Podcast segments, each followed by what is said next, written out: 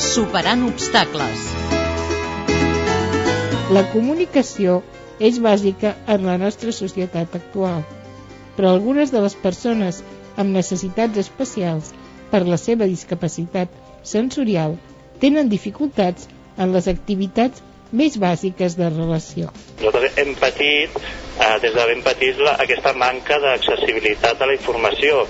Eh, hem hagut d'anar a metges, a reunions, a, explicar les obres de teatre que els nostres pares volien anar a veure, eh, hem hagut d'interpretar la televisió i fins i tot actualment encara els, els fills de paressors encara ho estan fent. Aquesta explicació ens la fa arribar un dels membres de l'empresa Agils Comunicació, Joan Gil. Va ser creada fa poc més de 6 mesos i compta amb un equip de professionals de 15 anys d'experiència en el camp de la comunicació accessible. Els seus creadors són intèrprets a la llengua de signes, però a més treballen amb altres professionals com subtituladors o audiodescriptors. Àgies Comunicació vol oferir un servei integral per aconseguir activitats absolutament accessibles per a persones amb discapacitat sensorial. Un d'aquests camps és el cinema o el teatre. Així ho explica Joan Gil?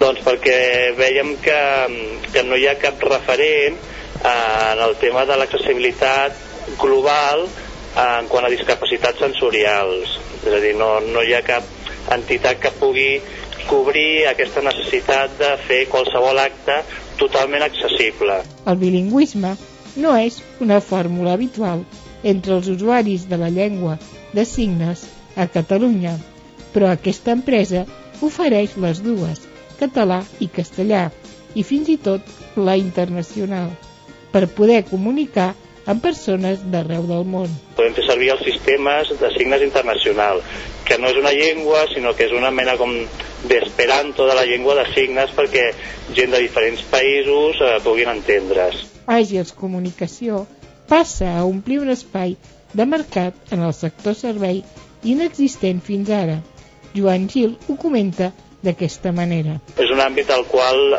encara no es veu molt al nostre país, però que a Europa doncs, és eh, una cosa bastant habitual, és a dir, eh, l'aparició d'un intèrpret de llengua de signes a l'escenari o a una part de l'escenari comença a veure's com una cosa normal.